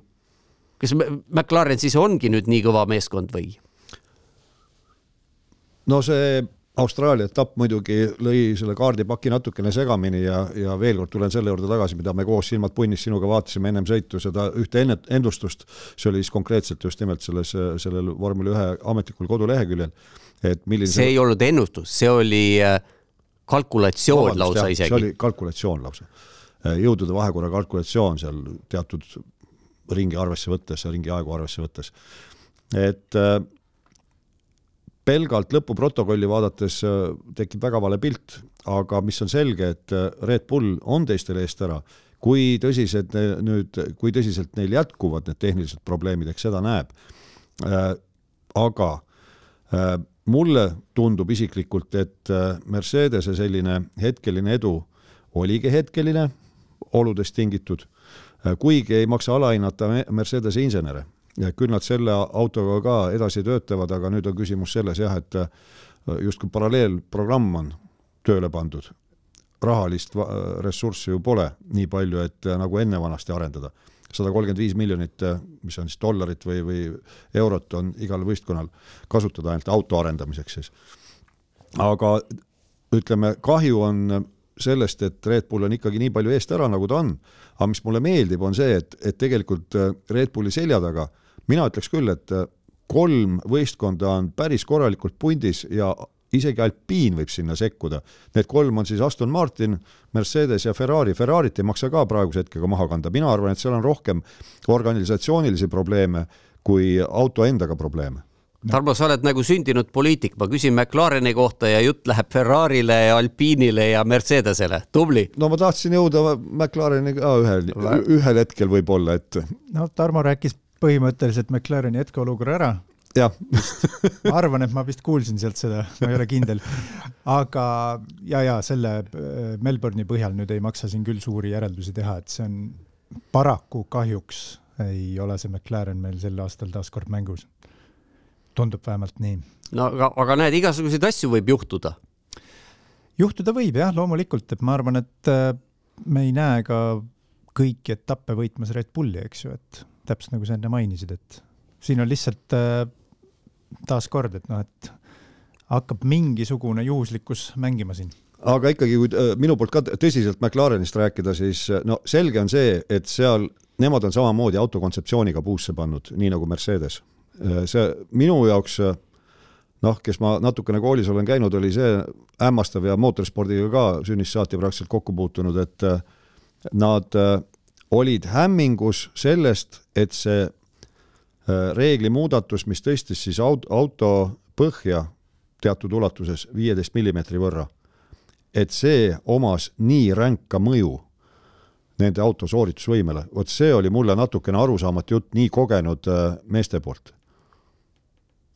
See tundus tõesti naljakas selline noh, et, et, et kõigest viisteist millimeetrit, eks ju, see kõlas umbes niiviisi. jah, just vormel ühes. kõik tegid suured silmad, et issand jumal, see on ainult viisteist millimeetrit et.... no aga alguses ju nõuti, ma ei mäleta, kes see nõutis, äh, oli jutt vist kahekümne viiest või millestki sellisest. jõuti nii-öelda kompromissini siis keskpõrandale kokku, kes ei tahtnud üldse midagi te teha. pigem jah, see oli ebaõnnestunud lihtsalt äh, lause, mida, mida too inimene ütles. no, no, jaa, aga, no aga... ütleme lause lauseks, aga tegelikult teema on ju selles, et McLaren nüüd ka värbab hirmsasti omale äh, personali juurde, insener-tehnilist personali ja osa on siin äh, Äh, ka aiandustöödel nüüd kuni järgmise aasta alguseni, nii et äh, nendest äh, nagu abi selleks aastaks ei ole, eks ole, aga probleem on neil tõsine, just nimelt selle ütleme, insenerimeeskonna poole peal. aga oleme näinud, et tegelikult keegi ei ole selle eest kaitstud eelmise aasta alguses, kui nüüd tulid need uutmoodi autod, põhjaefektiga autod, siis ma arvan, meie siin kolmekesi olime kõik veendunud, et noh, ei saa öelda, et midagi ei muutu, aga et äh, Mercedes võidab edasi, noh, ei saa olla, heakene küll, võib-olla natukene annavad järele, aga ei saa olla, et Versa-, et on Mercedes täiesti mudas, ometigi see juhtus. jah, see, see oli tõesti hämmastav. ja noh, jällegi mina, mida ma nüüd ütleme, viimased kuud olen jauranud, ilmselt see äh, insener-tehnilise personali teadmiste järjepidevus on kuskilt maalt katkenud, et äh, nad, nende hulgas ei olnud äh, selliseid inimesi, kes oleks olnud kursis nende probleemidega, mis kaasnevad teatud lahenduste puhul tiibautodega. ja väga pikk ja mm, kompleksne äh, selgitus, aga no midagi igatahes juhtus. McLareniga nüüd nägime Oscar Piastrit esimest korda punkti kohal koduetapil, noh, kuulsus, au ja kuulsus, eks ole, kõigile tuli muidugi Mark Webber kohe meelde ja mis iganes. kus ta siis tegelikult võiks olla? No tegelikult hakkame vaatama, kes seal eest ära kukkusid, kes need kiiremad olid, eks niimoodi riburada pidi enam-vähem me näemegi, kus ta tegelikult oleks võinud olla. no kellega ta võidu sõitis? no võidu sõitis ta ka seal tagaotsas. no Tsunoda, ma mäletan, oli seal, kellega ta seal pikka aega puseles ja no ei, samas auto ilmselt ei võimalda rohkemat. no ma arvan ka tegelikult, et auto ei võimalda, aga põhimõtteliselt Piastri ees müts maha, et hoidis ina puhtana ikkagi no. ja oma, oma nii-öelda kodulinnas ka veel närv oli kindlasti püsti, palju ta seal oma rahva ees on vormel ühega saanud sõita. no ta pole üldse, üldse, ta pole üldse saanud. Austraalias, nii palju kui ma lugesin, ta Austraalia pinnal ei ole võidusõiduautoga üldse sõitnud, ainult kartidega. no vot nii. nii et ei, selle koha pealt Piastri põhimõtteliselt äh, sai väga hästi hakkama, aga jah, ega seal McLarenil nüüd erilist kiirust küll ei ole no Landon Norris tegi seda, mida ta ka eelmisel aastal kogu aeg tegi, noh, see ei sõltu temast, tema toob oma auto lõpuni, siis küsimus on selles, et mis tema ees juhtub, sellest sõltub koht. no ja vaata, Piastri puhul ongi nüüd noh, see on oluline, et äh, ei tohi nüüd Norrisele kuigi palju kaotada. seda ei ole juhtunud. see on positiivne. jah, no kahel esimesel etapil siin ta vahepeal no seda kvalifikatsioonis nägi ta ikka oluliselt parem välja kui Norris, noh Norris oli seal ikka, ei näinud üldse välja, oleme ausad. ja nii oli. nii et selle koha pealt ütleme, Piastri on hooaja algusest jätnud mulle küll hea mulje, et tihtipeale on ju see, no võtame sellesama äh, Magnusseni papa, Jan Magnusseni. ta tegi ju vormel kolmes, tegi puhta töö, lõi kõik rekordid äh, Briti sarjas ja siis takkajärgi ta ise tunnistas, liiga vara jõudis vormel ühte. no Piastri kohta seda küll öelda ei saa, kui ta oli eelmisel aastal veel ja üle-eelmisel aastal Renault palgal Alpiini noortesõitjate programmi liige, siis ta nende vanemate autodega nühkis radu siin ja seal ikkagi tuhandeid kilomeetreid tänapäeva mõttes sai väga-väga hea ettevalmistuse. ja see on üks asi, aga te, ma pean rohkem seda silmas, et et võistlusnädalavahetustel, kuidas ta ikkagi hakkama saab, et väga hästi saab hakkama siiamaani. No kui me nüüd debütantide juures juba siin oleme, räägime teistest ka, Nick de Vries. minu jaoks pettumus. ma tahtsin täpselt sama öelda. noh, ma nüüd pean teiega nõus olema jälle. ei pea, ei pea, ole mees ükskord, ütle välja, mis sa mõtled Tarmo tahtis praegu rusikaga vastu lauda virutada, aga mõtles õnneks viimasel hetkel ümber, muidu teil oleksid praegu kõrvad lukus olnud. aga De Vries on jah, selles mõttes mina olen küll väga üllatunud, heakene küll, ma saan aru, et see auto on ka niisugune paras sõnnikuvanker aga De Vries ei ole ju mingisugune poisike, tal on ju kogemusi tohutult, ta on madalamates vormelisarjades sõitnud, ta on sõitnud kestvussõite LMP kahtedega, ta on vormel E meister vormel kahe meister. pigem, pigem oodanuks Piastri äh, kaotust äh, Norrisele suuremat ja. kui nüüd seda, mida me näeme siis äh, Tsunoda ja, ja De Vriesi vahel. no De Vries tundub, et ei saa üldse hakkama no anname ikka aega ka natukene. ei, seda küll, aga, aga jah, et ta nagu nii, ütleme, tuhm on. no samas, eks ju, noh, võtame sellesama Sauber Alfa Romeo vaatame, mis seal toimub, eks ju no,. võtame, äh, võtame Botase, eks ju. Botas on see, selle, selle soenguga ei saa sõita. tundub nii jah, et ikkagi tuleb äh, naasta Mercedese aegse soengu juurde. Ja, ja vuntsid ilm, võib-olla need segavad. ja kindlasti õhutakistus on jah, hingamist segab. no vähemalt jah, sellel etapil ta, ta oli tõesti liimist lahti. kurb oli natuke vaadata.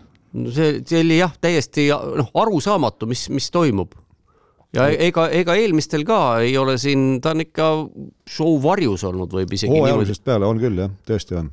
aga noh, mitte nii drastiliselt võib-olla, et. aga nüüd debütantidest Logan Sargent. Sargentiga on nüüd noh, nii ja naa, et siin siin ma ütleks seda, mida Martin ütles, et anname nüüd poisile aega. no poiss on aega natukene ikka saanud ka. Sai ju De Vriesiga kokku siin Austraalia sellel viimases stardis, noh, see oli muidugi noh, mis me, mis me talle ette heidame, Perez ja Gasly põhimõtteliselt eksisid samamoodi, lihtsalt nende õnn oli, et kedagi ei olnud neil ees sel hetkel no ja olgem ausad, nüüd äh, Austraalias Sargent oli selline õnnetu, et äh, tema ei saanud piisavalt tagumiktunde ju ka võrreldes teistega või võrreldavaltki ei saanud äh, auto elektririike tõttu, et ja, ta ühte vabatreeningut ei sõitnud üldse kaasa. ju ja tegelikult, kui Zedat meenutame, siis seal ta ju kvalifikatsiooni esimeses voorus tegi väga hea aja, mis tühistati ja siis läks tal kogu see nädalavahetus nagu kelguga mäest alla seepeale, et ei, ei saanud enam midagi kokku panna. et mina olen temast jah ka rohkem oodanud just võib-olla mitte niivõrd kiiruse mõttes, aga, aga just sellise stabiilsuse ja, ja vigade vältimise mõttes et noh, kui ta rajal on, siis ta üldiselt liigub päris hästi. aga jah, äpardusi tuleb natukene liiga palju. jälle olete nõus või? jah. jah. noh, väga hea niimoodi, kas me sellest etapist tahame veel millestki rääkida, mis on seni veel rääkimata või oleme kõike juba öelnud? ma võib-olla viskaks õhku küsimuse, et äh, millal Alonsol õnn otsa saab või üldse Aston Martinil mis sa selle õnne all silmas pead? Nad on kolm kolmandat kohta ERS saanud. Äh, ma, ma korra segan vahele, palun. Tsunoda oleks peaaegu saanud neljandat korda järjest üheteistkümnenda koha. Saintsi, Saintsi karistus rikkus selle ära. sa sai kümnenda koha. ei, lihtsalt mul tuli, ma hakkasin mõtlema, et tuli meelde Bahreini etapp, kus troll sõitis otsa Alonsole avakurvi siis äh, või avaringi. aa, seda õnne, ma jäin mõtlema, et mis nii. õnn, et ta. kuidas ja. pagan ta üldse jätkata suutis. Äh, Bahreinis toimus, siis Jeddah äh, ajal meil oli siis see, see kuulus protest, eks ju. see, kus siis talle ennistati see kolmas koht. ja nüüd seekord siis, mis juhtus Aston Martiniga? no seda tunni, tuletame meelde, et Stroll ju katkestas, nii et seal natukene seda õnne ikka otsa sai. noh, see Stroll seal eest-taga see..., kui, kui teine auto võtab poodiumi, noh, ütleme nii, et eelmise aastaga võrreldes ka, et, et kus ollakse, et see on ikkagi nagu unenägu. Aga nüüd jah, see, see etapp ju täpselt samamoodi, et noh, et kus enne, enne siis seda viimast, mis asi siis oli, start meil või, või, või mis ta iganes oli, et et kus, kus meil Aston Martinid olid, eks ju, sellise kümnesekundilise vahega, üks oli äh, teises kurvis muru peal ja jah, aga, aga, aga tegelikult seal noh, see õnn oli muidugi jah, selles mõttes, et mõlemad autod jäid ju põhimõtteliselt terveks, Alonso tegi pirueti, sõitis kohe edasi ja Strolli näidati veel eraldi ka, kuidas ta sealt äh, kruusa seest välja loovis. ja see oli ka muidugi, see tegelikult päästiski talle selle neljanda koha, nii et noh, õnn oli üks asi, aga teine asi oli sõitja väga oskuslik tegutsemine ka, kui ta oli enne oli ühe pläki teinud, sinna liiva peale sattunud, siis ei teinud ta teist, vaid suutis sealt välja ronida jah, et äh, Strolli puhul olid küll oskused mängus, aga siin ma olen jah, Martiniga nõus, et selle koha pealt vaadates või selle nurga alt tõesti äh, puhas vedamine äh, Alonsol. see on, see on analoogiline olukord, mis tal oli Alpiiniga eelmine aasta Austinis, kes mäletab, kui ta tegi selle õhulennu ja pärast jätkas. see oli täiesti uskumatu. minu meelest. oli küll jah, Strollile ta ju otsa sõitis. jah, täpselt et äh, jah, püüdes üldse mitte sarkastiline olla, siis äh, noh, äh, Astoni esitused on ju võimsad olnud. et midagi ei ole öelda, aga lihtsalt, et kui palju on selliseid noh, napilt pääsemisi olnud. et see on täpselt sama imeline. no rahvasuu ütleb, et õnn soosib tugevaid ja nüüd, kui me vaatame, et kahel esimesel etapil oli Aston ikkagi selgelt Red Bulli järel teine, nüüd oli selgelt Red Bulli ja Mercedese järel kolmas, et kas see nüüd ongi jälle selle, see üksiksähvatus või, või on see mingisugune seaduspära? oota, kellel nüüd sähvatus? no et Aston Martin kukkus teiselt kohalt kolmandaks, küsime siis niipidi et siis Mercedes sähvatas, mina, mina või, või, või ongi see nüüd, et Aston Martin hakkabki vaikselt niimoodi vajuma? Ma ei usu. see, see, see niinimetatud Sauberi efekt. Sauberi efekt, jah. ei, ei see, seda ma ei usu. ma ka millegipärast ei usu. see on puhtalt ütlen, usu ei... küsimus praegu, aga mina ei usu. nagu eelnevalt rääkisime, siis äh, ma ei usu seda jõudude vahekorda selle etapi põhjal. ma, äh, ma ei usu ka seda, et see Red Bull äh, seal neljakümne ringi peale ainult kümme sekundit kiirem oli. ja seda, selles ma olen täiesti kindel. ta on palju kiirem. just aga, aga no ei olnud ju põhjust, põhjust, põhjust ju kiiremini sõita, nagu Jackie Stewart kunagi ütles, et võitmiseks tuleb sõita nii aeglaselt kui võimalik. just täpselt, aga noh, nagu me ajaloost teame, siis me teame, mis ähm, või me mäletame, mis juhtub siis nende, nende tiimide ja nende autodega, mis on siis äh, liiga kiired. igasuguseid asju juhtub. jah. no Red Bulli, Red Bulli see kodusõda, noh, tundub nüüd, et natukene tuurid tõmmati maha siin pärast Austraalia etappi, et Perez siin põristas vastu rinda pärast Jedad ikka väga kõvasti, et on, nüüd on kahe, kahe autoga tiim. ma just mõtlesin täna selle peale, selle, selle kodusõja peale ja, ja jätkuvalt niimoodi hästi huvitav on tagasi vaadata ja mõelda, kui kõva sõitja oli Nico Rosberg. Lewis Hamiltoni kõrval. kui palju me oleme neid Mark Webbereid ja Barrichellosid ja ma ei tea, keda, keda kõike näinud, kes kõik on tublid mehed, David Coulthard näiteks Häkkineni kõrval mida iganes, neid sähvatusi jätkus üksikuteks etappideks. siis oldi kiired, megakiired, Vettel on ka öelnud, Weber äh, võis tast kiirem olla, aga ainult ja ühe nädalavahetusel. ja oli ka aeg-ajalt jah, ja kohe, kohe oluliselt kiirem.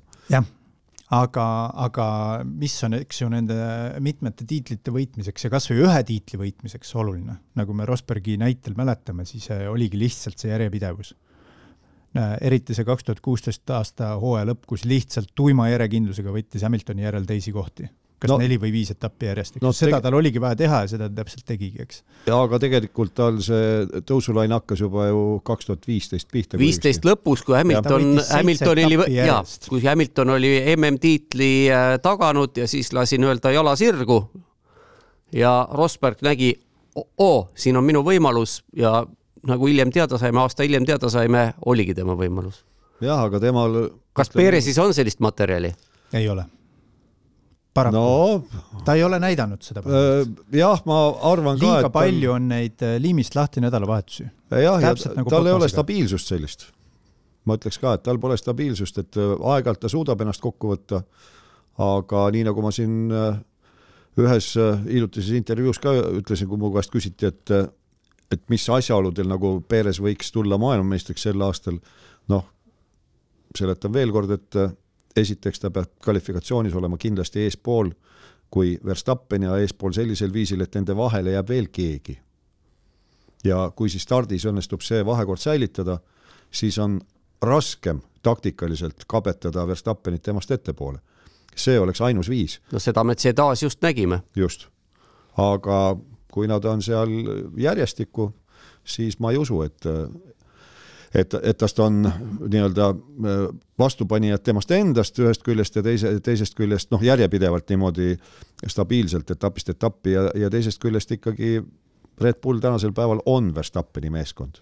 ma võib-olla selle resolutsiooni ütleks ka, et, äh, et Perezis kindlasti on maailmameistri materjali, aga mitte tänase Verstappeni vastu ja, ja selles tiimis ja selle ja, autoga.